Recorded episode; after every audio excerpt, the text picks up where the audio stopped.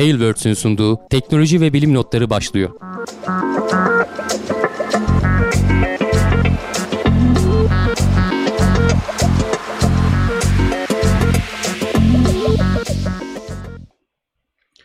Teknoloji ve bilim notlarına hoş geldiniz. Ben Hamdi Kellecioğlu. Karşımda Cevdet Acarsoy ve bugün bir konuğumuz var. Yıldız Gözde Sağlam. Hoş geldin Gözde. Merhaba, hoş buldum. Herkese iyi akşamlar. Ee, bu hafta önemli bir gelişme oldu. Google e, Quantum Supremacy diye bir şeyi e, sınırını aştığını iddia etti. Biraz bunu da bahane ederekten e, bu kuantum bilgisayarlar nedir, e, bu olay ne oldu, IBM neye itiraz etti falan gibi konuları ayrıntılı olarak konuşacağız. E, Gözde'nin tam da alanı bu. Gözde istersen biraz kendinden bahset. E, seni niye çağırdık e, izleyicilerimiz de anlasınlar. Evet. Tabii ki. Öncelikle çok teşekkür ederim beni davet ettiğiniz için. E, gayet güzel bir platform oldu bence. E, konuşmak için, paylaşmak için olsa benim de e, research'ümü. Ben e, Delphi Üniversitesi'nde Quantum Nanoscience Nanobilim alanında e, doktoralarım, doktora çalışmalarımı sürdürmekteyim. 2-3 e, e, gün önce aslında dördüncü yılıma başladım. O yüzden tam yoğun böyle doktora çalışmalarım devam ediyor. E, benim de aslında çalıştığım şeyler e, kuantum, kuantum bilgisayarlarında kullanılabilecek şeyler ileride. Çünkü süper e, süper etken materyallerle kuantum malzemeler yapıyoruz ve kuantum e, device'lar yapıyoruz ve bunların hepsi ileride kullanılabilecek. Hı hı. E, ve bugün e, sizlere biraz da e, Google ne dedi, bu kuantum saplaması ne, kuantum kompütürler nasıl çalışacak ya da bize ne getirecek. Onlardan e, gücüm yettiğince dilime, dilim döndüğünce anlatmaya çalıştım. Ya biz de zaten biz de bu hafta boyunca okuduk bu haberleri aslında. Ee, biraz anlamaya çalıştık ne oluyor ne bitiyor. Ee, kuantum deyince insanın gözü de korkuyor biraz. Ee, konuyu tam anlayamıyorsun aslında. Ee, çünkü Feynman'ın mıydı bir lafı vardı hani kuantum teorisini anladım diyorsanız konuyu anlamamışsınızdır gibi bir laf hani ortalarda geçiyor. Valla e, Gözde hoş geldin. Şimdi Hoş konuya tam Cevdet. dalmadan evvel bu arada e, ikimiz de Hamdi abi de ben de e, biraz nezleyiz. Boğazlar kötü. Kusura Geçmiş bakmayın olsun. aksırıklar tıksırıklar podcast'ten dinleyenler için kulaklarına şimdiden özür diliyoruz. E, iki duyurumuz var küçük hemen onları yapalım istiyorum. Ondan sonra rahat Tabii. rahat şu konuya girelim. Evet. Birinci duyurumuz e, rica ettiler benden. E, üçüncü ODTÜ Astrobiyoloji Konferansı 30 Kasım'da gerçekleşecekmiş. E, üçümüz de ODTÜ'lüyüz bu arada. Gene güzel denk geldi. e, şimdi e, arkadaşlar bayağı yani astrobiyolog biz geçen gün bu Mars haberinde aradık hatta Hamdi abiyle. Evet, evet. Ama bulamadık, ulaşamadık hiç hani böyle senin gibi çağıracağımız uzman. O yüzden önemli bir konferans olduğunu düşünüyorum. ODTÜ Biyogen e, ODTÜ'nün biyoloji ve genetik topluluğu Bilkent'le falan ortak hmm. çalışan çok büyük bir topluluktur. Hatta içine işte Evrim Ağacı da çıkmıştır. E, evet. Bilenler bilir. Onlarla amatör astronomi topluluğu bir araya gelerek yapıyormuş. Çok iyi hocalar var. Sitelerinin linkini verdik. 30 Kasım'da e, tekrardan şey gerçekleşecek. Kayıtları bir açmışlar dolmuş. 1 Kasım'da tekrar açılacak kayıtlar. Aa, Kaçırmasınlar e, diyelim. Birinci duyurumuz bu. İkinci duyurumuzda artık teknoloji ve bilim notları canlı yayını pazartesi günleri olacak. Hep her gün her hafta hep pazartesi olacak saat 9'da. Aksini e, belirtmediğimiz sürece diyelim. Evet bir fevkaladelik olmazsa. Fevkaladelik olmasın. Selam söyleyeyim buradan. E, bir e, e, pazartesi olacak bir, hem benim işim için çünkü benim salı günleri sinir bilim deneyine katılmam gerekiyor. Birden fazla deney var. Onu da iptal edemiyorum. E, sıkıntı doğuyordu. Hani hafta hafta bazlı erteliyorduk. Onun yerine Pazartesi 9 dedik. Duyduk duymadık demesin. Benim için de kolay olacak. Ee, videoyu sonradan montajlayıp e, işte YouTube'a vesaireye upload etmek için 2 saatim değil de bir günüm olmuş evet. olacak en azından. Şimdi o zaman Hamdi abi pazartesi 9'da canlı izleyenler izleyecek. Salı evet. Salı günü akşam galiba e, Plus'lara gelecek. TeknoSeyir Plus üyelerine. Evet. Çarşamba akşamı da YouTube'dan herkese. Doğru aynen, mu? Aynen. Normalde hani canlı izlemeyenler eski düzen bizim hani salı akşamı yayınlanıyordu Plus'lara. Sonra da çarşamba günü herkese açılıyordu.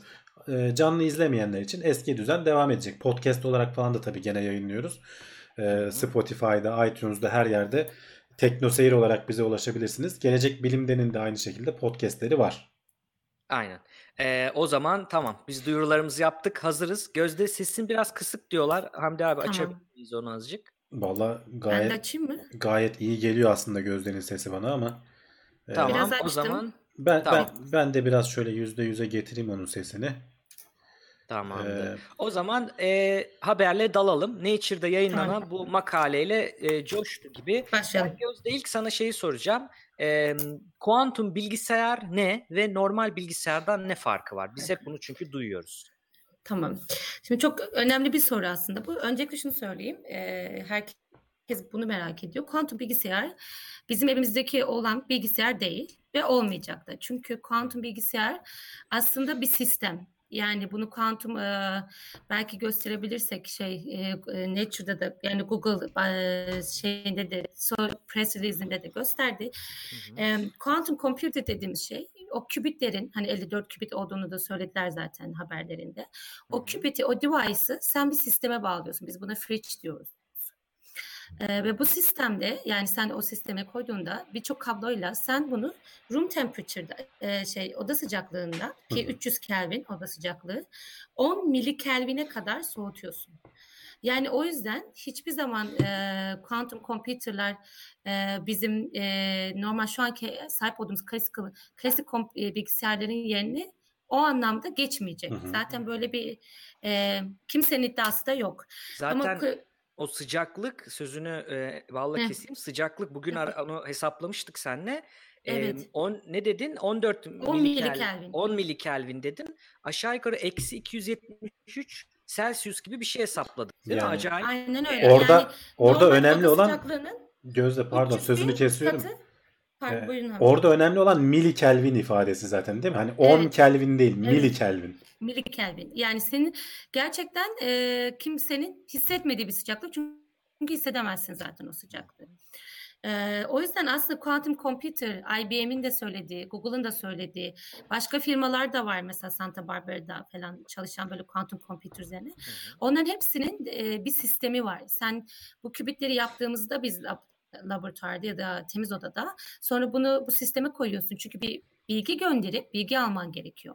Ve bu bilgi alıp gönderimlerin hepsinin quantum state'te olması için 10 milikelvine kadar düşmesi gerekiyor sistemin. Öncelikle bunu söylemek istiyorum. Yani hani kuantum kuantum bilgisayarlar Hı-hı. bizim e, klasik bilgisayarlarımız gibi çalışmayacak. Yalnız Ama bak şurada şey... Gözde şu, şu e, ayrıntıya ben değineyim e, hani hiçbir zaman olmayacak dedin ya ben aslında ona itiraz etmek istiyorum. Çünkü 1950 yılında e, aynı şeyi normal şu anki bilgisayarlar için de söyleyebiliyorduk. O zaman transistörlerin şu an böyle milimetre, nano mikron Hı-hı. seviyelerinde, nano seviyelerde falan bahsettiğimiz transistörler bildiğin e, lambalar şeklindeydi. Ampuller kullanılıyordu. Doğru. Teknoloji öyle bir noktaya geldi ki şu andan belki öngöremiyoruz. E, muhtemelen olmayabilir e, dediğinde haklısın. Ama biz gene de bir ihtiyat payı bırakalım. Gelecekte nasıl bir teknoloji çıkar ne olur bilemeyiz. Ee, belki yarın bir gün hiç belli olmaz. Kuantum bilgisayarlar cebimize de girebilir. Şimdi bunlar kayıt altına alınıyor. Bizim çocuklar şey demesin 50 yıl sonra baba bak sen böyle demişin demesin. Ben o zaman not ko- not koymuştum diyeyim yani kenarına. Yok doğru söylüyorsun Hamdi hocam. Belki ben biraz böyle şey e, Bilim, Sen şeyi görüyorsun. İnsanı şeyden aynen deneysel yönden bakıyorum ben. Hayır bir de cihazları da görüyorsun. Ne kadar aynen. büyük olduklarının falan aynen. da farkındasın. Çünkü bunlar e, küçük böyle masaya falan sığan şeyler değil değil mi? Böyle koca odalardan bahsediyoruz. Aynen. Yani çok büyük odalardan bahsediyoruz. Yani hatta ben e, bir gün belki gelecek bilimde de ya da böyle Cevdet'e de göstermek istiyorum onları eğer gelebilirse Delphi. Ee, hani şöyle söyleyeyim size bunu Google da söyledi. Ee, bu quantum supremacy'yi ölçtükleri e, cihazı yani bu 54 kübitin olduğu e, device'ı soğutabilmek için iki buçuk gün beklemişler ve buna 3-4 tane çok büyük turbolarla ve çok büyük e, power, güç sistemleriyle çalıştırıyorlar. Yani benim hani e, demek istediğim oydu. Evlerimize belki giremeyecek çünkü bu kadar zaten güçlü e, sistemler olmayacak diye ama dediğiniz doğru hiç beklemediğimiz şeyler oluyor teknolojide. Belki 50-100 yıl sonra bizim kuantum e, bilgisayarlar da evlerimize girer. Evet. Ama hani benim e, günlük hayatta gördüklerime kaynaklı olarak söylemiştim hani e, bence öyle olmayacak. Peki, peki Neyse lafı uzatmayalım. Ha, farkından bahsedecektik. E, ha, farkından aynen. Tam ona geçecektim ben de Cevdet. Farkından bahsedecektik. Şimdi e, normal bilgisayarlarda ya, zero, ya sıfır var ya bir var. Bunu hani bir sıfıra ya da bire göre çalışıyorlar. Şimdi e, kuantum bilgisayarlarında e, sen temel fizikte çözerken farklı bir e, space'te çözüyorsun e, Hamilton'u. Ve senin dört tane farklı e, sistemin olabiliyor. Yani bir sıfır ve bir varken sıfır sıfır, bir bir, sıfır bir ya da bir sıfır olabiliyor. Bu tabii ki e, probability artıyor. Bu yüzden de sistem farklı bir şekilde çalışıyor. Yani kuant, yani temel bilgisayarla bilgisayar yani klasik bilgisayarla kuantum bilgisayarın farkı bu aslında. Çünkü kübitlere de baktığımızda temelde onlar ya sıfırda ya birde değil arada da olabiliyorlar zaten. Aradaki hmm. enerji e, level'ında da kalabiliyorlar.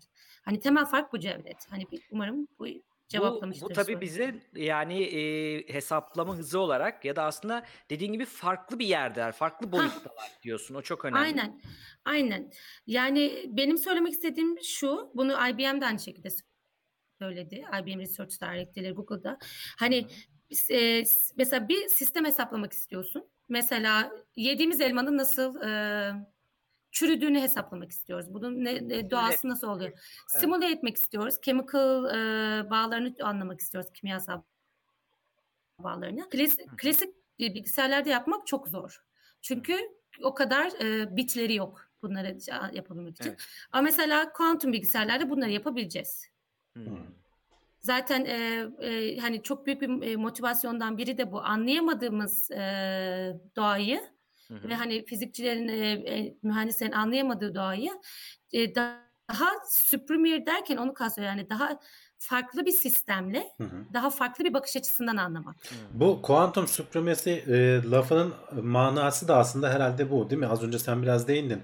E, anlatılmak evet. istenen de günümüz klasik bilgisayarlara göre daha üstün olma halini çünkü bu bir eşik benim anladığım. Belirlenmiş bir eşik. Evet. E, çünkü şu anki hani klasik bilgisayarlarla kuantum bilgisayarları simüle edebiliyoruz. E, Google'ın açıklamasında da anladığım kadarıyla e, artık onu öyle bir noktaya geldik ki klasik bilgisayarlarla simüle edilemez. En azından teorik olarak edilebilir evet. de pratikte edilemez hale geldiği zaman evet. o eşiği aştık diyorlar ve bunu Aynen. ilk ilk yaptık demek için de aslında biraz sonuçta ticari kaygılar da var işin içinde. Ee, Doğru. Ama e, orada pardon IBM'in itirazı var Hamdi abi. Şimdi IBM de diyor ki e, bu kuantum supremacy, kuantum üstünlüğü terimini diyor John Preskill diye bir adam ortaya atıyor 2012'de. Ve onun tanımına göre diyor ki bu öyle bir şey ol- olmalı ki kuantum bilgisayarlara biz kuantum işte üstünlüğü elde etti diyebilmemiz için klasik bir bilgisayarın hesaplayamayacağı bir şey olması lazım. Evet, evet. O bakış açısıyla baktığınızda da çünkü şöyle bir şey var aslında. Google tanıtırken demiş ki benim burada yaptığım işlemi ben 200 saniyede yapıyorum. Bunun en şu anki en güçlü süper bilgisayarla evdekiler falan değil. Hani IBM'in süper bilgisayarıyla yapmak 10 bin yıl alır demiş. Hı hı. Fakat IBM de diyor ki hayır o 10 bin yıl hesabınız yanlış. Biz de yaptık o hesabı. Bize göre de 2,5 gün alıyor diyor. Dolayısıyla hani 200 saniye ile 2,5 gün arasındaki fark bu üstünlüğü dedin demeye yetmiyor değil, diyor Değil değil yani pratikte zaten onu söyledim. Teorik olarak aslında her şeyi simüle edebilirsin. 10 bin yıl da tutar, 1 milyon yıl da tutar. Ama pratikte bir anlam ifade etmez. Zaten eğer 10 bin ya da işte ne bileyim 5 bin yıl da fena değil aslında. Onları sağlayabilsek e, o eşiği geçtiğimizi söyleyeceğiz. Ama 2,5 gün değil. Evet yani 2,5 günse eğer IBM'in iddia ettiği gibi ise e, o eşikten bahsedilemez. Ama IBM de orada işte şey söylüyor hani Google işte buna e, depolama alanını yeterince ayırmamış gibi böyle acayip bir açıklamaları var. Bilmiyorum doğru mudur nedir ama. Ben şimdi hemen burada ekleyeyim isterseniz. Ee, şimdi IBM'in New York'taki IBM Research, bu research de IBM New York'ta e, yapıyor. Oradaki e, director Dario Gil de dedi ki açıkladıkları Science Science, Science dergisinde e, kuantum bilgisayarlar aslında klasik bilgisayarlara göre süprüm değil. E, çünkü çok büyük bir e, deneysel e, e, güce ihtiyaçları var. Hı. Hani o yüzden onların süprümleri, süprümleri değil. E, en hani bu yüzden bundan kaynaklı zaten hiçbir şekilde bir application yok dediler. Yani hani hiçbir şekilde demeyeyim o yanlış bir kelime oldu ama özür dilerim seyircilerimizden. Hani şey deme getiriyorlar yani bir şekilde. Hani bunu yaptım diyorsunuz ama bunu hani bunu çok sustain edemezsiniz. Çünkü Hı-hı. çok yüksek bir hani e, güce çok yüksek bir yani, e, güçlü sisteme ihtiyacınız vardı. O sürdürülebilir yüzden değil, değil mi? Yani sürdürülebilir olmadığı için e, şu anki yani hani yaptığınız çok şey. spesifik olduğu için. Yani Hı-hı. şöyle söyleyeyim. Bu 54 kübiti çalıştırmak için 40'tan fazla çok iyi, gerçekten çok iyi bir bilim insanları, mühendisler e, yıllardır çalışıyorlar Santa Barbara'da. Hı hı. Hani sonra da Google'la beraber hani John Martinez bu konuda e, hani John Martinez e, nasıl diyeyim lead ediyor bu hani hı hı. he's the one. E, ve hani e, sonra Google geliyor tüm departmanı alıyor. Hani biz e, katıldığım Google e, konuşmasından öyle anlattılar bize. Geliyor Google hani tüm e, departman tüm bölümü alıyor. Ve hani ondan sonra da şirketle beraber hani birleştirip oradan e, e, research'e devam ediyorlar çalışmalar.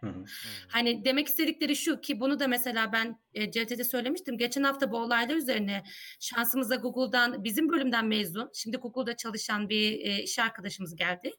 Hani doktorasını bizim bölümde yapmış biri. Hani onun konuşmasında da şey diyor yani e, mesela kuantum bilgisayarlar hani amazing ama mesela bazen çok basic e, sorunlarımız oluyor. Kablo gibi mesela süper iletken kablolarımız yeterli olmuyor. Ya da çok fazla süper iletken kablolar yapmamız gerekiyor. Yani uzun lafın kısası ben şunu söylemek istiyorum herkese dinleyen. Çok büyük bir step e, başarıldı Google tarafından. Hani gerçekten 54 kübiti çalıştırabildiler ve onunla ilgili data alabildiler. Hı hı. Ama e, hani bu yüzden bizim için çok mutlu bir e, haberdi.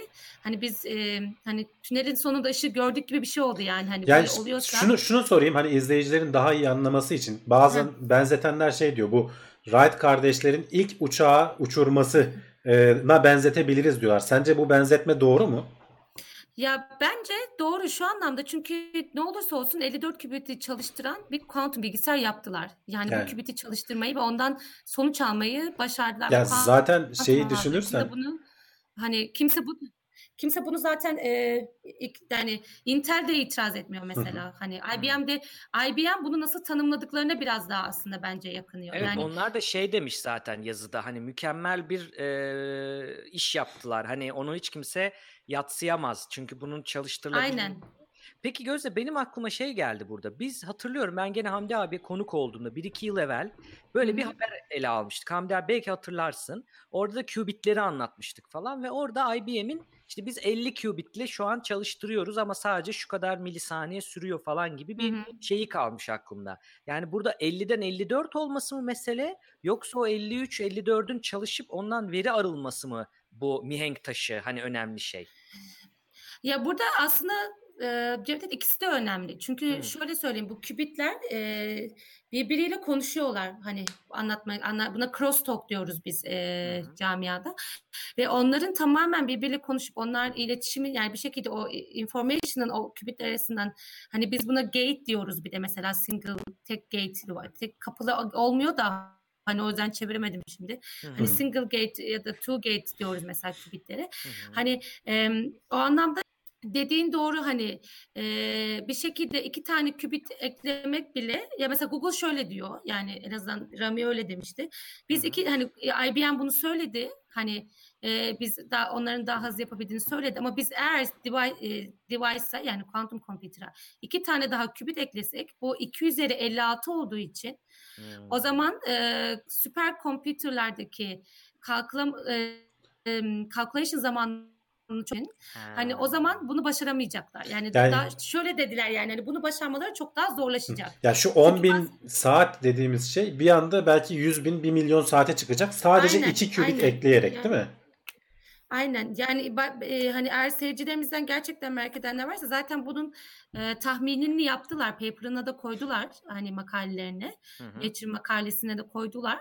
Hani Hani da gidip bakabilir. Hani e, iki tane kübit daha ekleyince 2 üzeri 54 değil 2 üzeri 56 olduğu için senin bunu hesapladığın e, süper bilgisayarlardaki zaman artıyor. Ve o süper bilgisayarlar dünyada çok nadir yerlerde var. Evet. Bu arada şöyle bir hesap vardı. Yanlış hatırlıyor olabilirim sayıları. E, 2 üzeri 260 gibi bir sayıya ulaşırsan eğer bunu hesaplayabilmek için evrendeki bütün atomların sayısından daha fazla e, şeye ihtiyacın var falan gibi bir şeyden bahsediliyordu. E, normal bilgisayarlarla. Ee, yani 2 üzeri 50, 53, 56 falan bunlar gerçekten büyük değerler aslında. Hani günümüz Aynen. klasik bilgisayarlarla karşılaştırdığında. eklemiş. Ama e, aslında yarattığı fark o kadar büyük bir fark ki IBM'i geçmiş oluyor. IBM'i geçmekle kalmıyor. O anda kullanılan konvansiyonel süper bilgisayarlarının e, işlem gücünü de bir nevi Hı hı. e, e, kenarda bırakmış oluyor aslında. Hani hala hala şey hani hala süper bilgisayarlar tabii hani kaldıralım tedavülden kuantuma geçelim durumda değil. Çünkü o da diyor ki yani 10 bin e, şeyde hesaplarım hani ya da şeyde iki buçuk gün işte dedi Ya IBM. bu arada Senin 200 saniyede yapacağın iki buçuk gün bekler yaparım diyor yine. Çünkü daha hani biliyorum ötesini berisini biliyorum. Bu kadar para harcamama gerek yok çalıştırmak Bu için. arada şey de var değil mi Gözde? Ee, bu kuantum bilgisayarlarında hesaplama e, keskinliği ya da netliği diyelim e, klasik bilgisayarlar gibi değil. Benim Tabii anladığım ki. kadarıyla. Tabii ki estimation error dediğimiz, fidelity dediğimiz bir şey var bunlarda. Onlar da zaten IBM de oradan hani e, biraz karşı çıktı. E, bir error bar dediğimiz e, yani hani sonuçta bir error var çünkü random bir algoritm çalıştırıyorsunuz. Hı. Yani hani e, yine Google'ın paper'ında yani Google makalesinde de zaten bunu çok iyi anlatıyorlar. E, çünkü bir de şöyle bir şey var. Hamdi Hocam şimdi biz diyoruz mesela kuantum kompüteri yaptılar ama bunun arkasında çok büyük bir teori grubu var. Teorik fizikçiler var. Hani e, e, şey hani e, programcılar var. Hani çok çok Hı iyi programcılar ve çok iyi e, teorik fizikçiler var. Hani aldığımız bilgiyi anlamak için yani aldıkları bilgiyi anlamak için çalışan. Hı. Hani o anlamda e, o, o yaptığımız algoritmler de klasik e, klasik bilgisayarlardaki algoritmler gibi değil. Çünkü baktığınızda temelde fizikte başka bir space'te yani Hilbert space'te çalışıyorsunuz. O da o da her şeyi farklı yapıyor. O yüzden ben hani e, şey demek istiyorum yani hani bu kuantum bilgisayarlar aslında gerçekten bizim e, şimdiye kadar e, doğayı anlamamıza çok başka bir bakış açısı getirecek. Ki bence güzel olan, önemli olan da bu zaten. Hı hı. Yani bizim anlayabildiğimiz bir bir sistem var. Hani o sistemi yine anlayabileceğiz ama çok farklı bir başka bir e, perspektiften diyeyim. Öyle hani Evet. Ee, benim aklımda kalan Gözde çok güzel anlattın. Teşekkür ediyorum sana. Benim Rica buradan ederim. aklımda kalan netleşen bir e, hani özet olarak söyleyeyim yanlışsam sen düzelt. Bir Hı e, kuantum bilgisayarla klasik bilgisayar aynı şey değil. Yani bir kere birbirinin Kesinlikle yerine değil. geçebilecek e, Aynen. elma ile armut gibi bir şey. Hani yeni modeli gibi bir şey değil. Çünkü Aynen. e, ötekinde tamam transistör büyüktü. Çok güç gerektiriyordu ama böyle imkansız bir sıcaklıkta çalışması gerekmiyordu. Doğası gereği bile bunu gerektiriyor. Birincisi bu. İkincisi dediğin gibi bu üstünlük falan tanımına göre değişir ama önemli bir ne olursa olsun önemli bir mihenk taşı yaptı Google. Çok çok Üçüncüsü önemli de bir mihenk taşı yaptı. Evet. Üçüncüsü de e, bu dediğin gibi başka bir bakış açımız. Yani bize mesela şu an kaos gibi gelen, içerisinde düzen göremediğimiz belki. Hani Aynen. bunun gürültü dediğimiz, biz öyle deriz. Ölçümlerde bir noise vardır. Gürültü der, Hı hı. atarsın onu. Gürültü Aynen. dediğimiz şeyin aslında belki de orada da bir ahenk, bir düzen olduğunu e, saptayabilecek, simüle edebilecek. Yani mesela meteoroloji için araştırmıştık biz seninle konuşurken. Meteoroloji hesaplamasında yapamadığın, anlayamadığın bir sistemi anlayabiliyorsun e, kuantum gücü gelirse gibi bir e, işi değiştirecek. Aynen. Peki Gözde şeyi sorayım sana. E, bu çok dolaşıyor da onun için soruyorum. İşte kuantum bilgisayar Tabii. yaparlarsa bütün dünya üzerindeki bu encryption'ları, şifrelemeleri falan WhatsApp'taki bilmem ne hepsini kırabilirler. Hatta işte şu an Amerika kırıyor zaten falan gibi bir şeyler dolaşıyor. Ne diyorsun bununla ilgili? Ya açıkçası enkriptoloji benim e, çok bilgi sahibi olduğum bir alan değil. hani çok bilmiyorum ama şunu söyleyebilirim. Hani çok e, basic'te yani hani temelde e, olasılığı artırıyoruz. Hani olasılığı artırdığımız için de gönderdiğimiz mesajlardaki hani sonra enkriptolojide bir e, anahtar var gibi düşünün. Hani bunu burada Hı hı. kuantum e, kuantum enkriptoloji yani hani yapan arkadaşlarım var. Türkçesi nasıl söyleniyor bilmiyorum ama hani kuantum kriptoloji yapan arkadaşlarım var ve şöyle söylüyorlar. Yani biz anlık bir e, anahtar oluşturabiliriz ve bu anahtar dünyanın her yerine gidebilir ve burada başka birinin elinde hani en, yani sonuçlanabilir.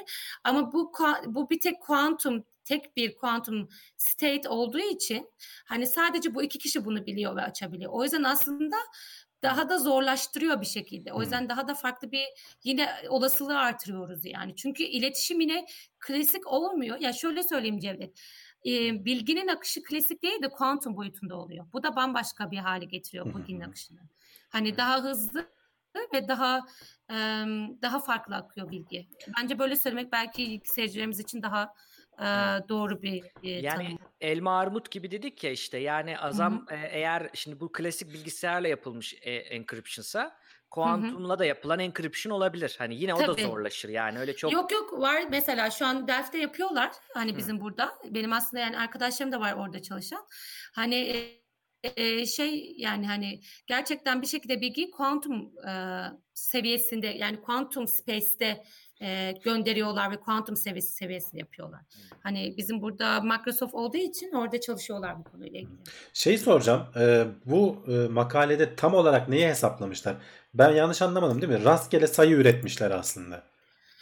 Ya rastgele sayı üretmiyorlar da aslında aldıkları e, kübitten aldıkları sonucu yani hani kübitten bir data alıyorlar değil mi sonuçta? Hı hı.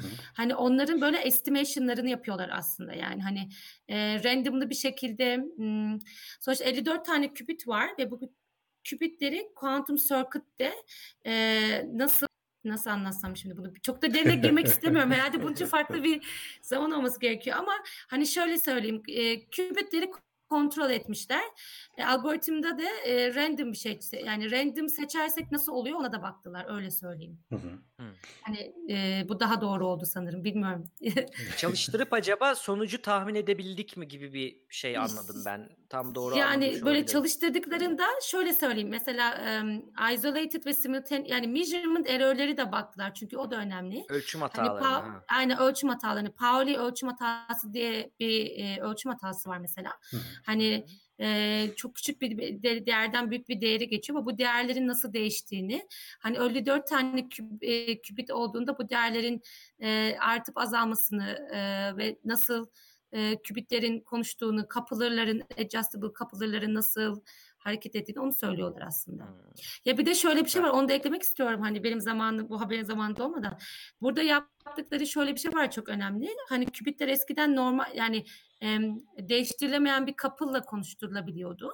Şimdi bunda mesela hani açtığınızda da gördüğünüz adjustable couple var diyorlar. Yani o nasıl bağladıklarını da bir şekilde değiştirebiliyorlar artık kübitleri. Hmm. Bu da çok kabloların önemli. Şey. yani okey. Yani Yok kablo esnek olarak anlamında mı? o ha, kablo değil. O kübitler öyle kablo bağlanmıyor. ben çok yanlış anlamışım. e, elektronik e, circuit'ların yani o, o kapılar elektronik circuit. Onlar o gördüğünüz o çip var ya hani böyle bir tane çok fancy. Şey Aynen e, Skymer. Ondaki şeyler yani bunların hepsini o çipte görüyorsun sadece. Nanometer scale'de göremez. Yani hani zaten e, Ha, onu da soracaktım aslında o çip dediğin şey bildiğimiz bilgisayar çipinden farklı mı yani nedir o? Tabii ki yani evet farklı. Yani çünkü sonuçta ne var? içinde ne var evet yani gene transistörler falan yok mu? Kuantum bunun neresinde onu soruyorum yani. Kuantum bunun e, her yerinde şöyle e, Şimdi ben bilmiyorum ben kendi device'ımdan söyleyeyim bir şekilde. Hani benim kendi ürettiğimden. E, Öncelikle nano fabrication yapıyorsunuz yani nano fabrikasyon yapıyorsunuz. Hı hı. E, ve hani o oluşturduğunuz kübitlerin e, hem yani e, nasıl anlatsam yani aynı yerde üretiliyorlar. Hani, hani hepimiz temiz odada onlar da temiz odada üretiyorlar. Mesela Microsoft Hı-hı. üretiyor bizim burada. Onlar da yapıyorlar ama hani Hı-hı. mesela inductor koyuyorlar. E, bunların gerçekten hani kapasitans kapasitör koyuyorlar. Nanowire koyuyorlar. Mesela Microsoft onun üzerinde çok çalışıyor. Myrana hmm. dediğimiz bir şey var. Yani basically nano, nanoscale'de device yapıp birbirleriyle bir şekilde konuşuyorlar. Peki şey e, bu mesela şimdi bu çip zaten minicik bir şey. E, bu oda büyüklüğünde evet. soğuttuğumuz şeyler ne o zaman? Hmm. Onlara fridge diyoruz biz. Şimdi Hı. şöyle e, bilmiyorum gösterebilir miyiz ekranda ama hani Ben bir yandan şu e, Google'ın videosunu oynatıyorum. Onu soruyorsan ha, sürekli o tamam, dönüyor. Evet. Ama okey süper. Şimdi o Google'ın videosunu da görecekleri gibi seyircilerimizin. Şimdi çipi en aşağıya koyuyoruz biz. O çipin kuru, e, durduğu yer o 10 milikelvin ya da 8 milikelvin e, e, stage'i. Sonra böyle o, mesela görecekleri gibi de, böyle layer by layer çünkü bir termal e, stability de yaratmanız gerekiyor. Yoksa o, o mesela her gördükleri o kablolar onların hepsi de süper e, iletken kablolar. Hı hı. E, ve o kablolar da bir termal izolasyon sağlıyor ve onlarla zaten biz e, mesela akım gönderiyoruz diyelim ki. Hı hı. Hani sonra bir bir cevap alıyoruz bizim koyduğumuz e, oradaki device'dan. Onlar bize zaten o cevabı veriyorlar. Hani o yüzden zaten o büyük device'larda bir e, input bir de output çok basic anlatıyorum bu arada bunu. Yani zaten başka türlü anlayamayız herhalde. Tüm izleyicilerimiz anladığımız için yani bir e, bir verdiğimiz bir de aldığımız bir e, bilgi var. Öyle söyleyeyim. Bir bilgi veriyoruz. Sonra verdiğimiz bilgi orada e, e, işlem görüyor. Öyle söyleyeyim. Sonra da o bilgiyi geri alıyoruz biz. O yani o şöyle mesela e, IBM öyle anlatmıştı bir videosunda böyle hani e, nasıl diyeyim böyle çok ağır ve e, özel e, kapaklarla böyle çevresini kapatıp kapatıp böyle hani layer by layer kapatıp kapatıp e, kapatıyorsunuz ve hani 10 üzeri eksi 7 o eksi 8 e, basıncında. Hı.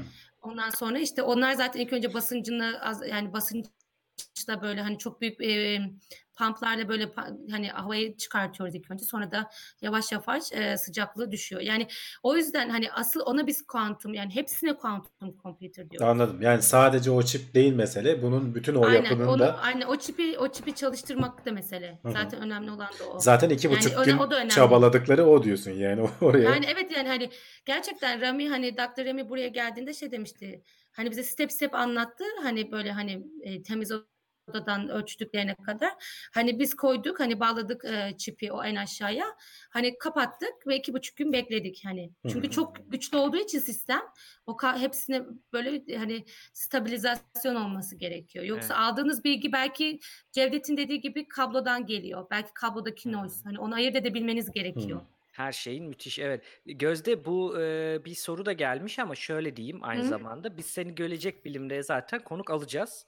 Aynen. Lab'dan izin alabilirsen gideceğiz oraya oradan çekeceğiz. Aynen. E, konuştuk onu. E, dolayısıyla oralara hani bırakalım detay kısımlarını. Tamam. Çünkü şey e, sormuşlar. Sadece şöyle bir soru gelmiş. Belki oraya yönlendiririz diye soruyorum. Kuantum bilgisayarı detaylı olarak anlatan bir video, makale veya herhangi bir yazılı bir şey var mı? Hani böyle bize bu referans olacak. Şimdi de söyleyebilirsin. Sonra bana yollayıp kaynaklara da ekleyebiliriz e, paylaştığımızda. Bir böyle özetleyecek onları anlatacak bir şey var mı acaba? Tabii ki var. Tabii ki.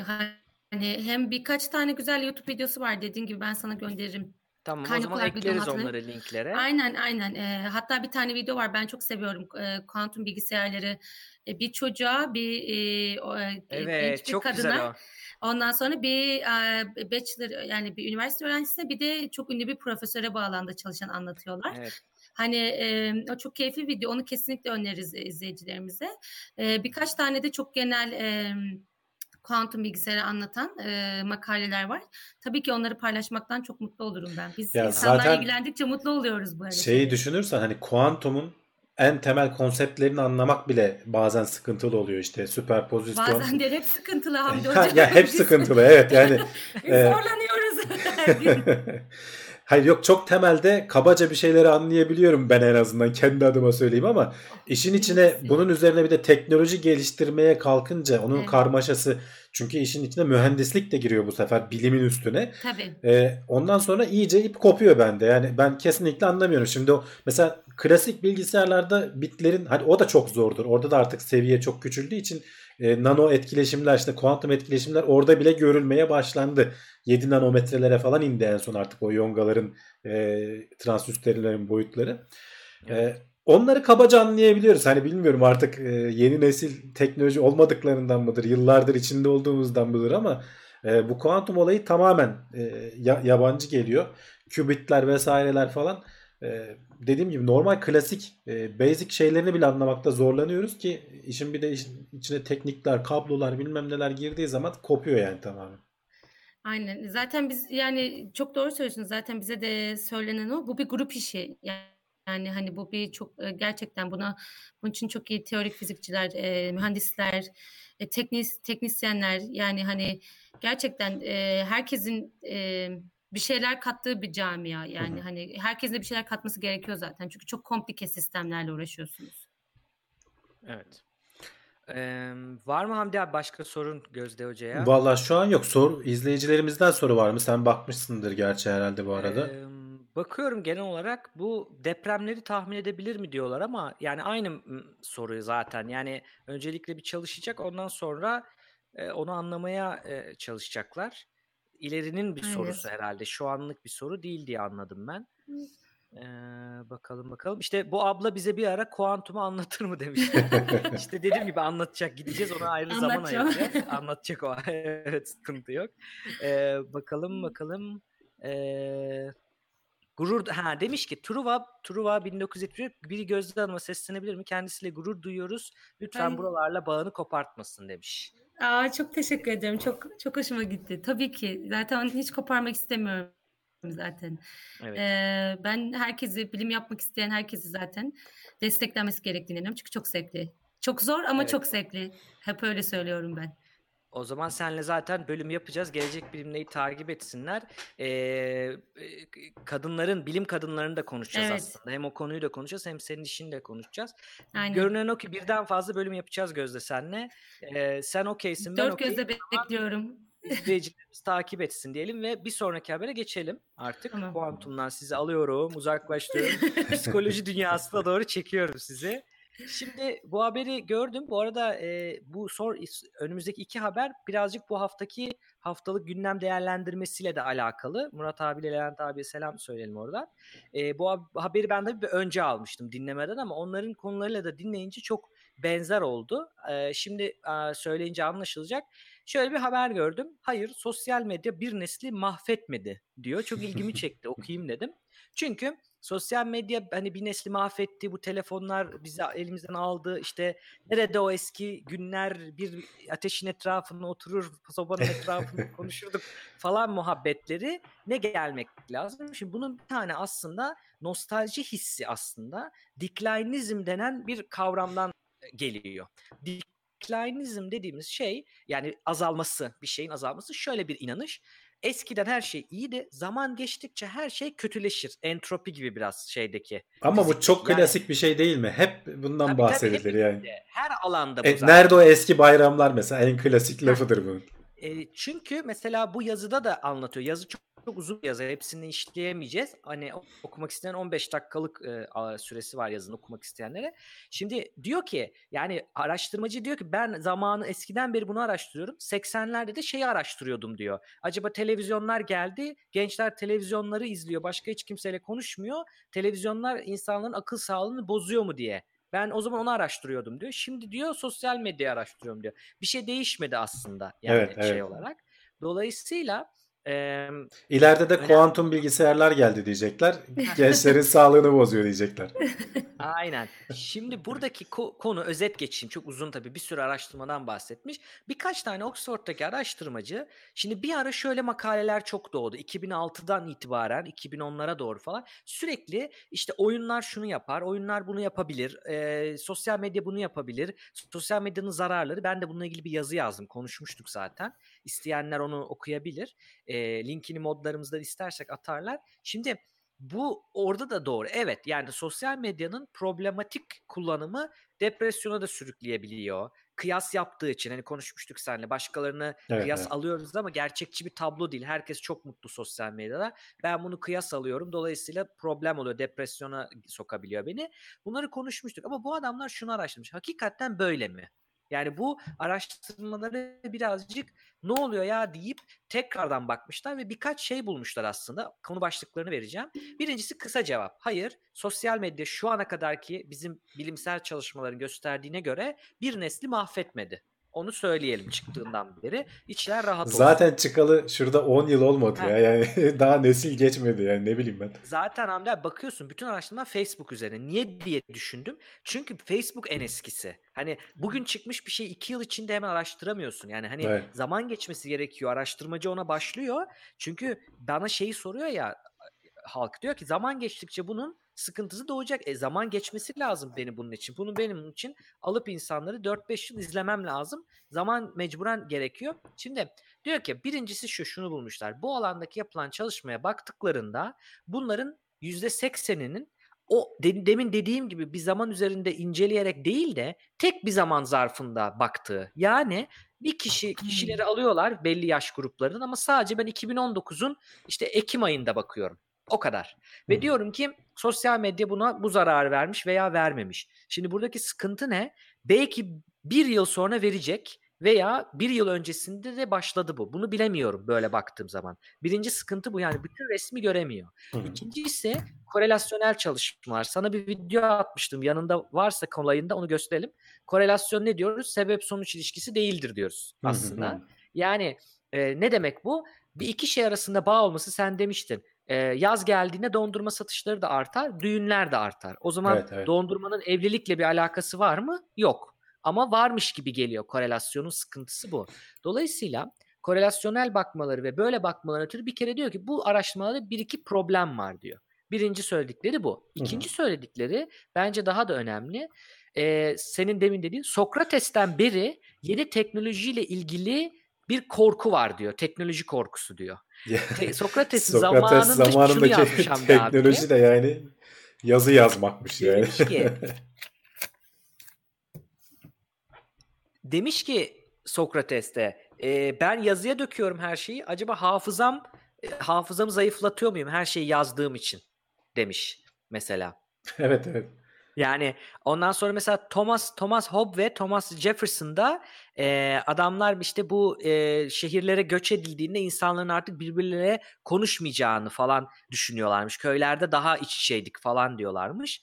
Böyle bir problem zaten hep vardı diyor. Ya değişen şeylerin aslında kötüye gittiğini düşünme gibi bir yanılsama var aslında ama evet. kötü değil, iyi de değil. Değişik. Sadece bunu söylemek lazım aslında. Aynen. Dolayısıyla şu ana kadar ki bizim elimizdeki kanıtlar hani bu anne babalara şunu söyleyelim. Burada adamlar da onu vurgulamış en çok yazarlarda. Önemli olan sosyal medyayı nasıl kullanıyor, ne yapıyor orada ve e, bu kullanımı gündelik hayatını ne kadar etkiliyor? Yani onu arkadaşlarıyla buluşmaktan alıkoyuyor mu mesela? Ya da sosyal başka aktiviteler yapmaktan alıkoyuyor mu? Yani şöyle Kitap çocuk... okumaktan alıkoyuyor yani, mu? Belki de ama işte o sosyal medyada açıp belki bir kitapta göremeyeceği bir başka makale okuyor. Hani hmm. onu bilemiyoruz yani ne yaptığını. Ama dediğin doğru gözde ve merak ediyorlar aslında. Belli bir süre sıkıntı ama o sürede ne şu da olabilir. Ben sosyal medyada yayıncıyımdır. Tamam mı? YouTube yayınları yapıyorumdur ve hakikaten eğitici içerik yapıyorumdur. Bu içeriği yapmaya harcadığım süre de benim sosyal medya kullanımı diye geçiyor araştırmada. Evet. Anlatabiliyor muyum? Ama gidip sürekli Instagram'a kendi selfiesini atan insan da aynı yere geçiyor. İşte onların ayırt edilmesi gerekiyor. Hı hı. Dolayısıyla korkmaya gerek yok. Neye dikkat etmek gerekiyor? Anne babalar için söyleyelim veya çevrenizdeki gençleri darlamayın bu konuda. Şuna dikkat edin yalnız. O genç onunla uğraşırken işinden, okulundan, arkadaşlarından zaman çalıyor mu? Hayattan Buna, kopuyor mu? Hayattan kopuyor mu? Ama ne anla? Belki de orada arkadaşlarıyla muhabbet ediyor. O zaman Hı-hı. kopmuş sayılmıyor. Yine sosyal. Sayılmaz, evet. Ama e, şu da önemli orada işte kullanırken de ve bu kullanım onun bağımlı olduğu bir kullanımı. Yani derste ama her hep hep kafasında şey var. Ders bitsin de telefonuma sarılayım. Telefonu bir kenara koyduğu zaman böyle eli ayağı birbirine karışıyor mu? Bunlara bakmak lazım. Yani bağımlılık doğuyor mu? Hı hı. Aslında buna baksınlar. Yoksa genel olarak sosyal medya ne çok iyi yaptı bizi. Hani onunla ilgili kanıt da yok. Ne de çok kötü yaptı. Bunların tamamen aşırı kullanımıyla alakalı bir şey. Aşırının da neden olduğunu, nasıl tanımlayacağınızı da söyledik aşırın. Gözde sen ne düşünüyorsun bu konuyla ilgili? Bu haberle çünkü kalmak istedin, e, konuşalım evet. dedin. Ya ben aslında bu haberle çok söyleyecek şeyim var ama şöyle hemen e, kısa bir şekilde paylaşayım. Bence şöyle bilgi bilgi paylaşıldıkça güzel bir şey. Çok hani bence gerçekten mesela eskiden e, bir, bir hani bir bilim insanı olarak eskiden makaleleri yazıp böyle postayla gönderiyorlarmış. Şimdi hemen bu sosyal e, teknolojiler sayesinde, sosyal medya sayesinde hemen e, gönderiyorsun. Ertesi gün insanlar seninle yazdığın bir şey ulaşabiliyorlar mesela. E, bu Hı-hı. çok güzel bir şey ama dediğin gibi hani e, aynı zamanda çevremizde hani bunu ben mesela ders anlatırken de görüyorum. Geçen yıl ders anlatıyordum. Öğrencilerin hepsinin elinde telefon ve ben orada çok önemli bir şey bahsederken hani telefonla uğraşıyorlar. Hani evet dediğin gibi o asıl önemli olan şu hani hiç kimse teknolojiyi daha iyi bir noktaya götürürken insanlar şöyle mi kullanır bu insanları kötü olur mu diye bence icat edilmedi hiçbir şey. Zaten yani insanlar sos- çok farklı yöntemlerini bulabiliyorlar. Senin aklından o an geçmeyen Aynen. bir yöntemle kullanıp çıkabiliyorlar işin içinden yani. Aynen öyle yani hani bence sosyal medyada da hani bu kadar aktif olan hani birçok kuruluş var, birçok insan var ve bunun dediğin gibi eğitimciler var. Mesela birçok online kurs var şimdi, birçok open source e, kurs var. İnsanlar artık her şeyi her yerden öğrenebiliyorlar.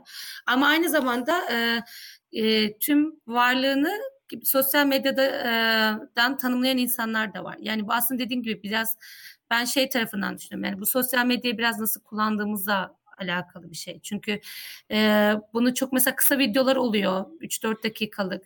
Çok güzel bir şey. Mesela aynen bizim seçtiğimiz kuantum bilgisayarı anlatıyor 3 dakikada. Ya da ne bileyim işte mesela psikolojiyle ilgili bir şey anlatıyor. Ya da kimya ile ilgili bir konuyu anlatıyor. Yani onları izliyorlarsa amenna ama onun yerine başka sosyal medya e, camialarında bir buçuk iki saatlerini hoş olmuyor. Yani zamanı biraz değişik kullanmak gibi oluyor diye. Evet evet boşa harcamak yani sonuçta. Aynen. Hayır şey de vardır sosyal medyada harcamasın da atıyorum kahveye gider harcarsın aynı hikayedir sonuçta boşa giden zamandır Aynen. o. Evet. Yani kendilerini geliştirmek için kullanabiliyorlarsa ya da arkadaşlarıyla bir şey paylaşmak için kullanılıyorsa bence sosyal medya güzel. Ama e, yani gerçekten sadece yani şöyle örnekler de var çevre bilmem okudum ama insanlar sosyal medyada gördükleri yüzünden birçok e, gerçekten depresyona girip hani kendi hayatlarını Tabii. sürekli mutsuzlaştırıp hani öyle bir e, çembere gidip orada sıkışan insanlar da var. İşte o zaman acaba burada sosyal medyayı mı suçlayacağız yoksa sosyal medya kullanıcıları mı yoksa o kişi mi hani neyi yani bir şeyi suçlamak zor geliyor bana burada. E, zaten bu araştırmacıların demiş olduğu da şu aslında yani e, bir bu problemler sosyal medyanın doğası yüzünden olmuyor. İnsanlar evet. yani gene problem varsa insanlarda oluyor diyor. O yüzden şu an için bulduğumuz sonuçlar e, yani sosyal Cevdet sesin bir kesildi. Senin son iki cümleyi falan hiçbir şey anlamadık. Ben de hiç anlamadım. Cevdet. Cevdet de bizi duyamıyor herhalde şu anda. İkincisi Sanırım sosyal medyayla mı alakalı? E, e, araştırmalar şunu bulmuş ki e, örneğin mesela sosyal medya çıktıktan sonra insanların e, sosyal kapitali artmış. Sosyal kapital aslında şu hani dostun olsun sırtın yere gelmez diyoruz ya biz. Hı Türkçesi o aslında sosyal kapitalin yani öyle diyeyim kısaca. Çünkü benim çevrem var. Bağlı hissediyorum. Bir şey olursa bana yardım ederler. İşte ne bileyim konuşabilirim, e, destek alabilirim gibi bir hissiyat eskiden o kadar yoktu. Şimdi sosyal medyayla bir de onun arttığını ve bunun da bazı şeyleri önlediğini bulmuşlar aslında. Hı hı. Ben şimdi bir link anlatıyorum. Eğer daha fazla merak edenler orada detaylı anlattığım bir yazım var. Oradan bakabilirler. Valla ee... zaten Cevdet şunu söyleyeyim. Kimsenin de umurunda değil. Yani insanlar çatır çatır kullanıyorlar. Ee, evet. Araştırmacılar falan da boşa zaman harcamasınlar. Valla boşa zaman aslında değil Hamdi abi. Çünkü acayip derecede fonlama yapılıyor bununla ilgili. Çünkü insanların yani yöneticilerin, politikacıların da zaten derdi bu. Hani onu da çocuğu sonuçta giriyor. Bak Trump işte e, Apple'a demiş ki eski iPhone'ları geri verin demiş. Ben bunu kullanamıyorum falan demiş yani. Sonuçta onlar da öyle olduğu için o paraları oralara gidiyor ve önemli bir konu ama e, bu araştırmacılar e, bir araya gelip bütün verileri incelediklerinde e, bazı şeylerin abartıldığını ve böyle olmadığını hı hı. en azından sakin olmamız gerektiğini söyle. Böyle özetleyebiliriz. E, böylece söylemiş olalım. Bir sonraki habere geçmeden önce Gözdeciğim e, seni tutuyor muyuz? Yok e, gibi gibi. Vallahi gidip e, e, frici on milikelvine indirmem lazım. Nitrojen koyacağım. aman aman bilgisayarınıza bir şey olmasın. aman aman Allah korusun olmasın bilgisayarımıza bir şey. Ee, bu, ya, vallahi e, daha çok kalmak isterdim ama gerçekten de geri dönmem gerekiyor. Valla çok sanırım. teşekkür ederiz. Ee, geldin katıldın. Gayet güzel anlattın. Ben, eğer bir, bir, bir, bir nebze de olsa ışık verebildiysem kuantum bilgisayarlarla ilgili ne mutlu bana. Öyle Valla çok sağ ol. Gayet güzel oldu. Tamam. Çok teşekkür ederim beni konu kaldığınız için. Çok keyifliydi. Yeni haberlerde gene zaten seninle Tabii şey ki. yapmak isteriz yani. Tekrar konuk almak isteriz. Ayrıca Cevdet dediği gibi ayarlayabilirseniz e, dertteki o laboratuvarı falan da gösteren programı İnşallah. ben de merakla bekliyorum açıkçası. İnşallah ayarlamaya çalışacağız onu Cevdet'e. İzinler falan almamız lazım ama yapacağız inşallah Cevdet'le beraber. Peki o zaman e, teşekkür ederiz. Ben de çok teşekkür ederim. Keyifli yayınlar diliyorum. Herkese iyi akşamlar. İyi akşamlar. İyi akşamlar. Biz şimdi Cevdet'le devam edeceğiz ama Cevdet'in şeyi dondu. Ee, sen kapatabilirsin evet, istersen. Ben tamam ben kapatıyorum o zaman. Görüşmek üzere tamam. en yakın zamanda. Hoşçakalın. Görüşürüz. Evet. Cevdet burada mısın? Buradayım. Senin Sesim bağlantıyla ilgili mu? bir sıkıntın var. Ee, Gözde yayından ayrıldı. Ee, sen o arada yoktun. sen yokken ben kovdum Şimdi... onu. Şimdi bir sorun var mı? Bir sıkıntı yok, var mı? Yok yok. Şimdi bir sıkıntı yok. Sen gayet normal, gayet iyi tamam. görünüyorsun. Valla Belki de Frans Brento demiş ki Ocak'ta nitrojenim var gitmem aynen, aynen aynen o şekilde. Ama zaten biz yayına başlamadan önce şu anda kendisi laboratuvardaydı zaten. Kapı çalındı. Müsait mi gelebilir miyiz falan filan sordu. O ya bir kısa bir izin verin dedi ki gene bize 40 dakikaya yakın 50 dakikaya yakın zaman ayırdı sağ olsun. Ee, Aslında labı kapattık gibi oldu. Biraz evet öyle o. Şeyler evet. e, kübitler erimiş bizim yüzümüzden. Valla.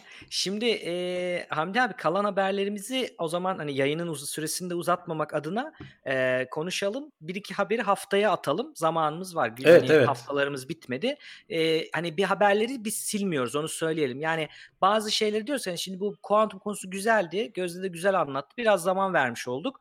E, uzamasın diye ama toplam program. Haftaya bu ertelediğimiz haberleri yine konuşacağız. Güncelliği kaybolmuyor çünkü onların. O kadar anlık tabii, haberler tabii. değil. E, bir sonraki haberi istiyorsan geçelim hemen. Orada kısa bir bilgi notu vereceğim sadece. Oyunlarla ee, ilgili olan haber değil mi? Evet. Bu haber çünkü e, haftalık gündem değerlemesinde konuşuldu. E, Murat abiler tabii güzel konuştu onu. Detaylı dinlemek isteyenler oraya a, bakabilir. Ben sadece orada bir şey fark ettim. Haberin kaynağına gittiğimde onların aldığı web sitesinde aslında e, bir problem var. Onlar da tabii o web sitesinden aldıkları için e, başlıkta bir yani içerikte bir problem var. Onu anlatalım. Hı. Şöyle aslında yayınlanan Oxford makalesinde e, şunu söylüyor. Şimdi şöyle gibi anlaşılıyor aslında. Yabancı linki okuduğun zaman da o problem orada. Şöyle anlaşılıyor. Oyunlar psikolojik sorun değil, başka sorunların yansıması. Yani şöyle daha da kısaca söyleyeyim. Hep şöyle bir problem var. Tavuk mu yumurtadan, yumurta mı tavuktan? Yani oyun oynamak çok oyun oynayan çocuğun psikolojisi bozuluyor diye bozuluyor mu? Yoksa zaten psikolojisi problemli olan çocuk mu çok oyun oynuyor gibi bir soru var aslında. Yani genelde gençlerde bu tabii düşünülen Aslında durum. hani ikisi de birden değil mi?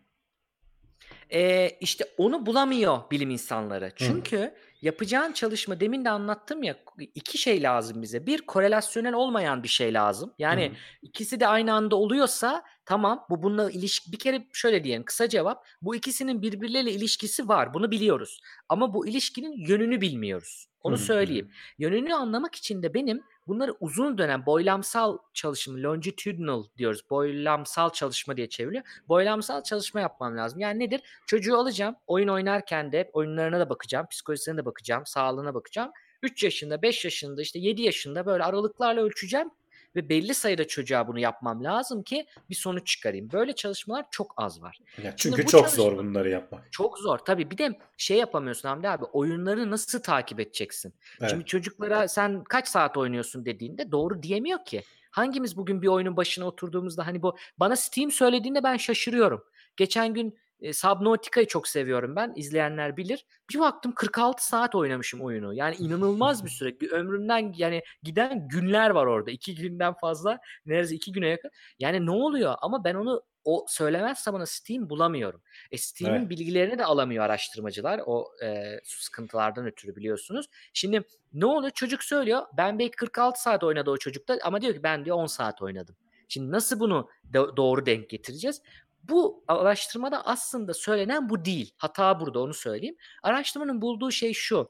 E, dysregulated gaming denen bir şey var. Yani önünü alamayacak şekilde haya- demin anlattığımız gibi hayattan kopacak şekilde bağımlı şekilde oyun oynamak. Hı hı. Fazla fazla oyun oynamak. Yani işte bu haberleri duyuyorsak Kore'lerde bilmem nerelerde ne kadar doğru şey 10 saat oyunun başından kalkmadı. İşte yemek ye- yemiyor falan işte kalp krizi geçirdi gibi. Hani gerçekten ben bugün atıyorum okula gitsem de olur gitmesem de gitmeyeyim. Oyunu bitireyim falan. Hı. Yani gece oturup mesela ertesi gün oyunu Ama- var ama 5'lere kadar oyun oynuyor. Ya bu, Cevdet- tür- bu tarz problemler. Yani Evet. her türlü şey için yani her herhangi bir şey bu noktaya geldiyse zaten sıkıntılıdır. Yani bu Evet. ne sosyal medyaya özel, ne oyuna özel, ne Aynen. televizyona özel. Yani sen herhangi bir şeyi bu şekilde yaptığın zaman zaten sıkıntı yaşarsın. İş de olsa, işi de bu şekilde Sıkıntı yapsan sorun Şey yaşarsın. olmuyor Hande abi. İşkolikler aman şöyle başlıklar atılmıyor. Şeylerin Levent abinin de kızdığı oydu. Orada hak veriyorum. Yani şey e, iş çalışmak sizi bağımlı yapıyor.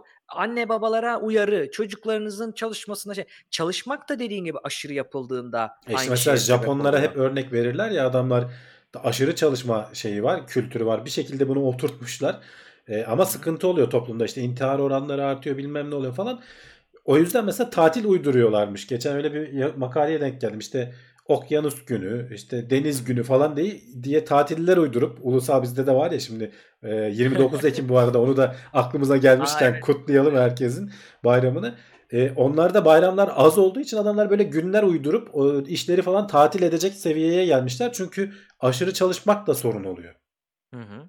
Yani e, ne- dediğin gibi benim ilkokul öğretmenim vardı. Allah rahmet eylesin. Derdi ki e, her şeyin fazlası zarar. Hep bize onu söylerdi çocukken birinci ikinci sınıfta. Aynen o mantık aslında. Her şeyin fazlası zarar. Ama ben oralarda hep onu söylüyorum. Fazla derken kime göre fazla? Senin, kadar fazla, Sana göre evet. fazla olmayan bana göre. Burada saat vermek doğru değil. Diyorum ki gene o yüzden oraya dönüyoruz. Hayatından alıyorsa ve kişiyi veya çevresini mutsuz ediyorsa bu da ciddi anlamda. Annem memnun değil mutsuzluğu değil bu. Kendisinin de mutsuz etmesi. Yani Evet. onu zaten fark edersiniz. Hani direkt olarak o belli olur. Hayatından çalması. Yani ya gel e, yemek yiyeceğiz. Hani akşam yemeğe oturacağız. Gelmiyor mesela. Hadi sonra da gelmiyor. Ya da yemeğini geçiştiriyor. Hı hı. İşte okula gidecek dediğim gibi ertesi gün işe gidecek, okula gidecek. Akşama kadar sırf çocuklara da üzerine gitmeyelim bunun. Büyükler de var böyle bildiğimiz hani Tabii, tabii. PlayStation başında, Xbox başında falan sabahlayan insanlar var. Arnion Valor demiş ki mesela okulda ben diyormuş bir yıla yakın günde en az 10 saat Minecraft oynadım demiş. Öyle durumlarım var. Yani bunlar da problematik. Artık bunun adı konur. Şimdi haberdeki Oxford Üniversitesi'nin araştırması şunu söylüyor. Onu söyleyelim. Diyor ki bu tarz problematik oyun oynama herhangi bir oyun değil. Problematik oyun oynama davranışı oyunlar yüzünden değil kişinin belli tatmin olmamış psikolojik ihtiyaçları yüzünden hı. oluyor diyor. Yani burada bahsettiği ne bileyim sosyal olma gibi, sevgi görme gibi ne bileyim bir sürü farklı Yansıması var buradan bunlar. çıkıyor. Evet, buraları e, tatmin olamadığı zaman oyunlara normal insanlardan daha fazla bağımlı olabiliyor. Yani bunları tatmin olan bir insan, söyledikleri aslında kısaca şu, normal tatmin olan bir insan oyunu oynuyor, gene zevk alıyor. Çünkü oyunlar buna göre dizayn edilmiş zaten. Hani buna e, Evet. göre tamamen seni başında tutmaya göre hazırlanmış. Renginden, işte sesinden, animasyonuna kadar bütün detaylarıyla. Fakat e, bu tarz şeyi tatmin olan insanlar burada onu aramıyor. Kaçma, escapizm, hayattan oraya kaçma ihtiyacı duymuyor. Ama Hı. burada problemi olan insan buna kaçma ihtiyacı duyuyor diyor. Fakat yine bir şey söyleyeyim. Bu araştırmada son söz değil. Gene yabancı haberin yazımındaki birazcık problemlerden biri bu alınan sitedeki. Orada şey gibi diyor. Araştırmacılar son kararı verdi böyledir. Hayır böyle bir şey değil. Bu araştırma da son karar değil. Ama Zaten son karar diye bir şey olmaz lazım. canım. Yani yeni araştırmalar yani- geldikçe üzerine eklenir. Aynen öyle. Şimdi şeylere de biraz laf ediliyor. Ben e, genel olarak televizyonda habercilerin konuşturduğu uzmanların çoğunluğunu ka- katılıyorum. Çoğunluğu oyun bile oynamamış. Ne sorulduğunu da bilmeyen insanlar. Alanları da uzmanlıkları da sıkıntılı ama %10'u falan cidden bu işi bilen psikologlar da çıkıyor. Psikiyatristler de çıkıyor bununla ilgili. Hı. Ben bunlardan birkaçını dinledim. Onlardan birisi ismini şu an hatırlayamıyorum. Paylaşacağım sonra. Dedi ki çok ilginç bir şey. Şunu sorayım dedi anne babalara dedi. Ee, çocuk çok oyun oynuyor veya çok sosyal medyaya giriyordan ziyade çocuğun neye ihtiyacı var? Ona bakmanız lazım. Çocuk neyle neyi eksik ki bunu bununla tamamlamaya Hı hı. çalışıyor. Yoksa oyunların veya sosyal medyanın kendi başına bir problemi yok. Bunlara odaklanmayın. Orada kişiye odaklanın. Kişi neden oraya kaçmak istiyor? Şimdi Murat abi de hep söylüyor ya Türkiye'nin durumu zaten hani bu tarz ülkelerde bakıyorsun ekonomik kriz olan ülkelerde ya da işte ne bileyim problem olan ülkelerde Amerika'da da bu böyle şu anda. Orada da problemler var. İnsanların escapism dediğimiz hayattan kaçış nedir? FRP oynuyormuş mesela 80'lerde hmm. insanlar. O şekilde kaçıyormuş. Masal dinlemek, kitap okumak, oyun oynamak, hayattan kaçmak aslında e, diye düşündüğümüz bir durum. Bunu yani motivasyonu ne oyun oynarken ve bağımlılığa gibi aynen gene söylediğim sosyal medya için söylediğimiz şeyler geçerli. Tamamdır. Cevdet sesin kesildi bu arada son anda. Ee, Vallahi şu an şu an sorun yok gibi. Çözemedim bir türlü. Ee, şu an ama iyi herhalde. Duyulmamış bir yer varsa tekrar Yok yok son son söyleyeceğine kadar aslında anlaşıldı. Tamam. Ee, Okey. Zaten özetlemiş olduk. Yani onu da öyle evet. düzeltelim. Oyunlar değil, oyunlarla alakalı değil, problematik oyun oynamak, bağımlı olacak şekilde oyun oynamak. Burada da oyunun suçu değil, insanı suçta demeyelim. Oyunun pro, oyunun yarattığı bir durum değil bu. Hı-hı. İnsanın kendi tatmin olmamış psikolojik isteklerinden öte geldiğini söylüyor bu araştırma. Düzeltmiş olalım. Ee, bir sonraki haber başka dünyalara doğru geçiyoruz. Biyoloji dünyalarına evet, abi. genetik e, araştırmalara doğru geçiyoruz. E, evet. Bilim insanları genetik değişiklik yapmadan aslında haberin özelliği de orada e, farelerin ömrünü ciddi oranda uzat, uzatmayı başarmışlar. E, bu e, DNA'lar krozom, kromozomların etrafında telomer denilen uçlarında e, bir bölgeler var. Bunlar özellikle hücrelerin e, bölünmesi sırasında gitgide kısalarak e, en sonunda ölmemize neden oluyorlar. Çünkü artık hücre bölünemez hale geliyor. Yaşlanmak da aslında bu demek. Yani telomerlerin kısalması. O telomerlerin ne kadar uzunsa veya eksilmiyorsa bölünme esnasında e, ömrün o kadar uzun oluyor. Bunun geçmişte başka araştırmalarla bu telomeraz enzimiyle oynayarak farelerin ömrünü uzatmayı başarmışlardı. Burada şöyle bir şey yapmışlar. E, sen fareden bir örnek alıp kök hücre alıp bunu laboratuvar ortamında büyüttüğün zaman e, bunların e, telomerlerinin e, normalden iki kat falan daha uzun olduğunu tespit etmişler. E, ve bu ürettikleri hücreleri e, tekrar embriyo halindeki e, fareye ver, vererek e, kimerizm diyorlar ya bazen iki hücre iki farklı hücreyi aynı e, bedende taşımak gibi. E, hmm. Kendi kendinin ikizi olan insanlar var. Kendi vücudunda iki farklı genetik materyali taşıyor. Vücudunun bazı hücreleri farklı, bazı hücreleri farklı oluyor. Buna kimerizm deniyor. Çok ee, bazen e, ikizler oluştuktan sonra tekrar e, birbirlerine kaynıyorlar. E, ve vücudun yarısı aslında işlevi bozulmuyor. Yarısı farklı genetik yapıya sahipken yarısı farklı genetik yapıya sahip oluyor. Burada da ona benzer bir şey. Genetik yapıları farklı değil. Gene kendi hücreleri. Ama bunlar laboratuvar ortamında kök hücre olarak çoğaltıldıkları için telomerleri uzun oluyor. E, dolayısıyla normal e, yaşamlarını sürdürürken e, pek çok vücutsal göstergeleri işte e, biomarkerlar falan deniyor ya bu kandaki şeyler e, bir kere daha zayıf oldukları, e, daha çevik oldukları, çeşitli kan değerlerinin daha düzgün olduğu ve ömürlerinin de yaklaşık %24 daha uzun olduğu tespit edilmiş.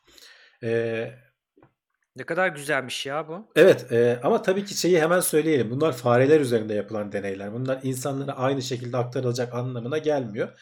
Ama sonuçta e, bu telomerlerle oynayarak e, ömür uzatmak gibi bir şeyin e, bayağı mümkün olabildiğini zaten biliyorduk ama bu net bir şekilde tekrar göstermiş oldu ve bunu sağlay- sağlamak için de e, genetik yapıyı değiştirmeden başka alternatif yollarda olabildiğini görmüş olduk. İlginç bir haber.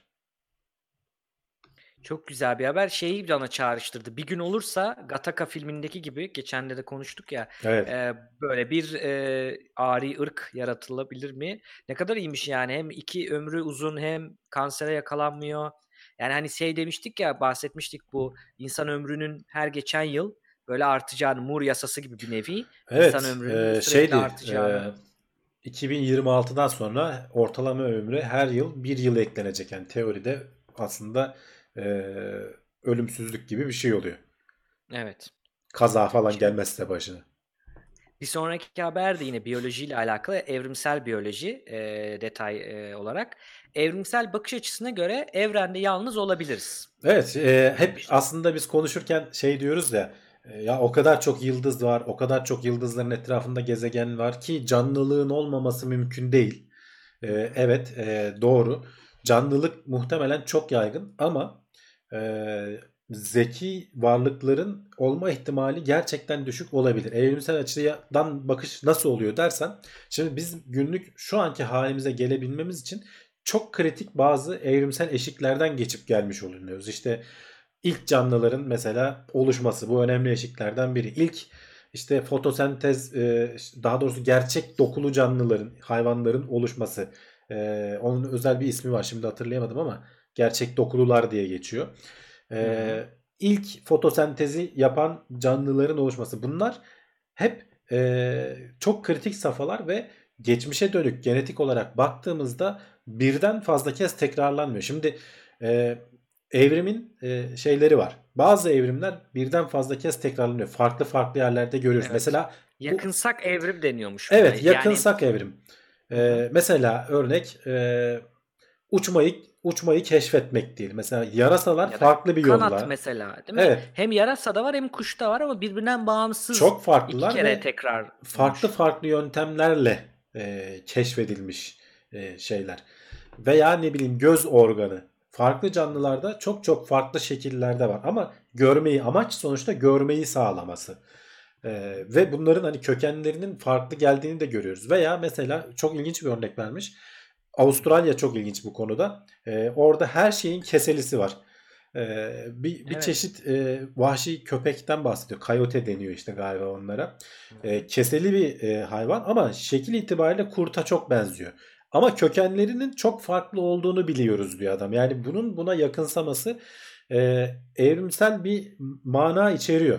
Ama bazı işte evrimsel gelişmeler var ki işte bizim bu şu anki olmazsa olmazımız olan az önce saydıklarım işte fotosentez, işte gerçek dokuların ortaya çıkması, e, cinsiyetin ortaya çıkması, e, ne bileyim e, kemikli kemikli hayvanların ortaya çıkması, omurgalıların ortaya çıkması bunlar evet. evrimsel tarihe baktığımızda bir kere karşılaştığımız şeyler e, ve adamın hani çıkarsaması da şu diyor ki bir kere olduysa bunların olma ihtimalleri e, gerçekten çok düşük olmalıdır.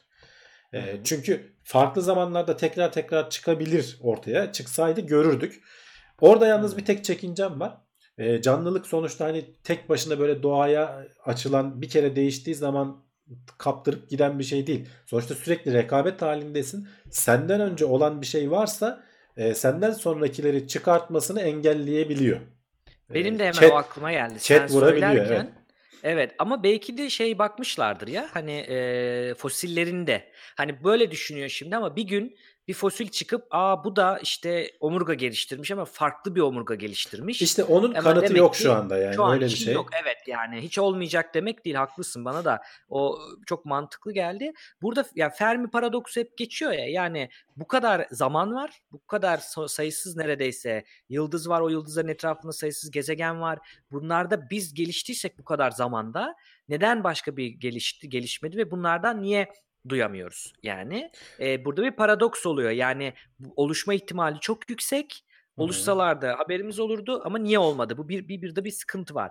Fakat adamlar da diyor ki aslında iki şekilde çözülebiliyor aslında. Bak bugüne kadarki haberlere bakarsak birisi oldu ama ışık hızı yeterli. Yani ışık hızında bile gitsen mesafeler çok büyük olduğu için bir daha gelmedi bize veya gelmek işine gelmiyor. Gelemiyor. Birincisi bu konuştuğumuz. İkincisi de burada dediğin gibi bizi bugüne bu zekaya getiren, bunları bütün anlayıp işte dünyanın dışına sinyal yollayabilecek duruma getiren evrimdeki e, adamın söylediği yani yazıda söylenen diyor ki e, piyangoyu kazanmak gibi değil diyor. Piyangoyu üç kere üst üste kazanmak gibi diyor. Öyle bir ihtimalden bahsediyoruz. Yani ayrı noktalarda denk gelecek ve işte birinde fotosentez, birinde işte omurga, birinde de beyin ya da işte zeka gelecek gibi çok zor bir ihtimalden bahsediyor aslında Hı-hı. bu yazıda. Yani aslında tabii onu şöyle ayırmamak lazım. Ee, orada şu hataya düşülüyor. Hani bir Hı. kere bunlar üst üste eklenerek gelen şeyler. Hani piyangoyu ayrı ayrı kazanmak evet yani bir aç bir bir yere kadar doğru. Ama bir yerde bir kere birinci piyangoyu kazandıktan sonra o cepte oluyor artık. Ondan sonra onun Evet. üzerine ekliyorsun. Dolayısıyla hani sanki böyle bunların ne denir e, olasılıkları birbirinden tam bağımsız gibi gelmiyor bana. Hmm.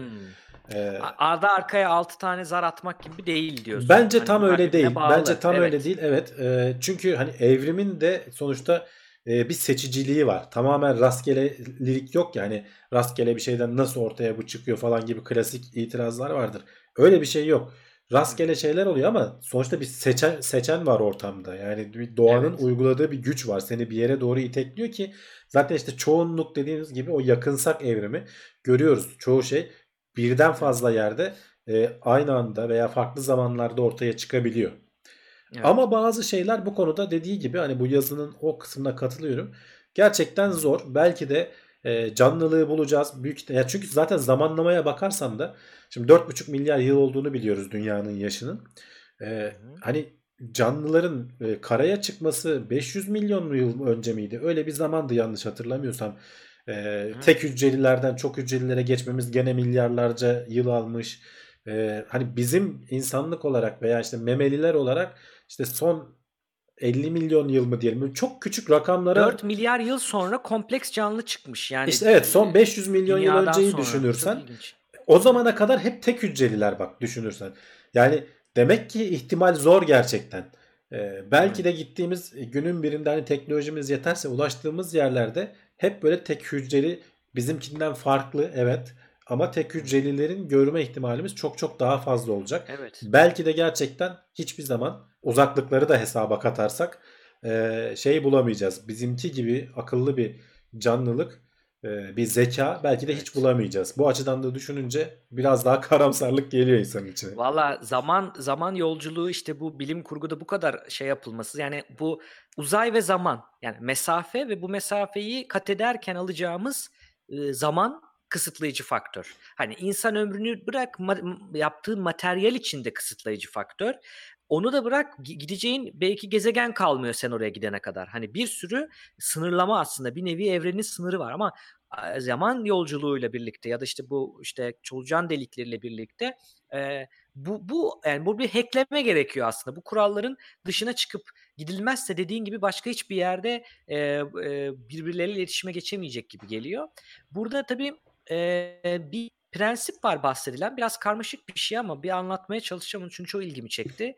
Antropik prensip denen bir şey ortaya atılmış bir bilim insanı tarafından, felsefeci tarafından özür dilerim.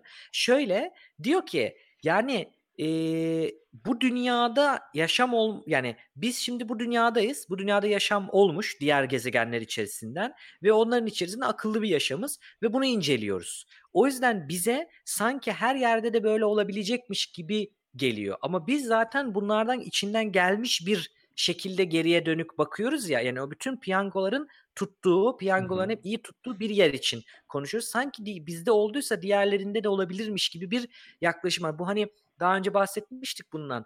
Kurtulanların ön yargısı, kurtulanlar evet. kurtulanlar yanıl, yanlılığı dediğimiz survivorship bias denen bir şey var. Yani nedir? Sen işte Steve Jobs'ı görüyorsun, ne bileyim Aziz Sancar'ı görüyorsun. Diyorsun ki ben de bunu yaparım, oraya gelirim. Öyle değil. Çoğu insan başarısız oluyor. Biz be- belli bir bir avuç başarılı insanı gördüğümüzde, kurtulanları gördüğümüzde yani işte öyle düşünürsek Hı hı. onlar gibi düşünüyoruz, kolay gibi düşünüyoruz ama öyle değil.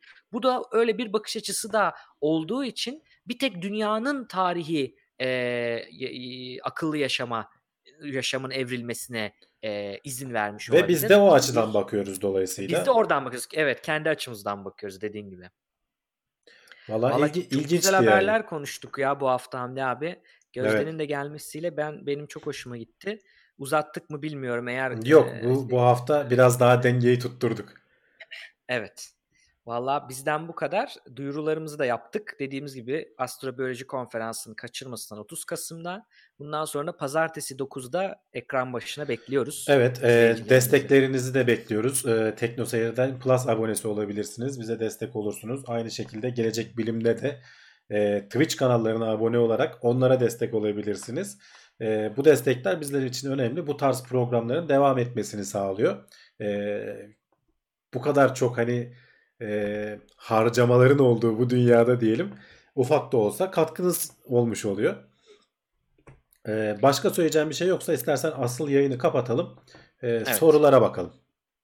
Aynen bu soruları da şimdi YouTube'dan izleyenler, podcast dinleyenler varsa bunlar nerede oluyor, niye bunlar yok derlerse onun için işte canlı izleyenlerin bu gelen e, izleyicilerimizi bir ödül gibi aslında. Evet ufak da olsa onlara bir hediye evet, vermiş oluyoruz. Görebilmiş oluyor. Yani ben de soru soracağım. İşte şimdi kapandı yayın. Ne oldu yayın kapandıktan sonra diye merak eden varsa canlı izlemeye davet ediyoruz. E, haftaya görüşmek üzere diyelim evet, o zaman. Evet haftaya görüşmek üzere.